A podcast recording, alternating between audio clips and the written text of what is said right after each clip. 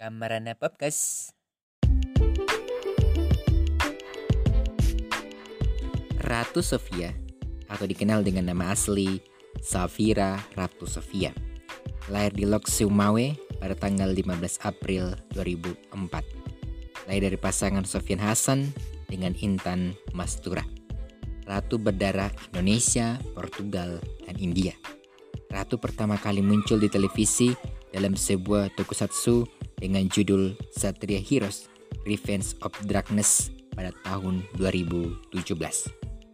Pada tahun 2018, Ratu bermain film layar lebar dalam film mereka yang terli tak terlihat dan film Palpi Love Cinta Nita yang dipersembahkan oleh BKKBN atau Badan Kependudukan dan Keluarga Berencana Nasional.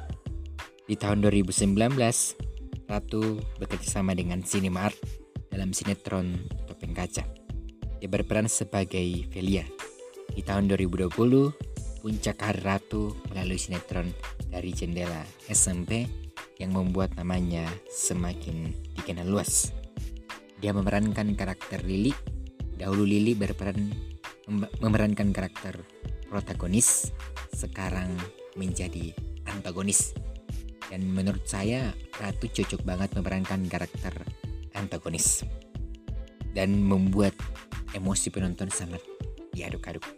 Bahkan Ratu dikabarkan cinlok dengan Keisha Alvaro.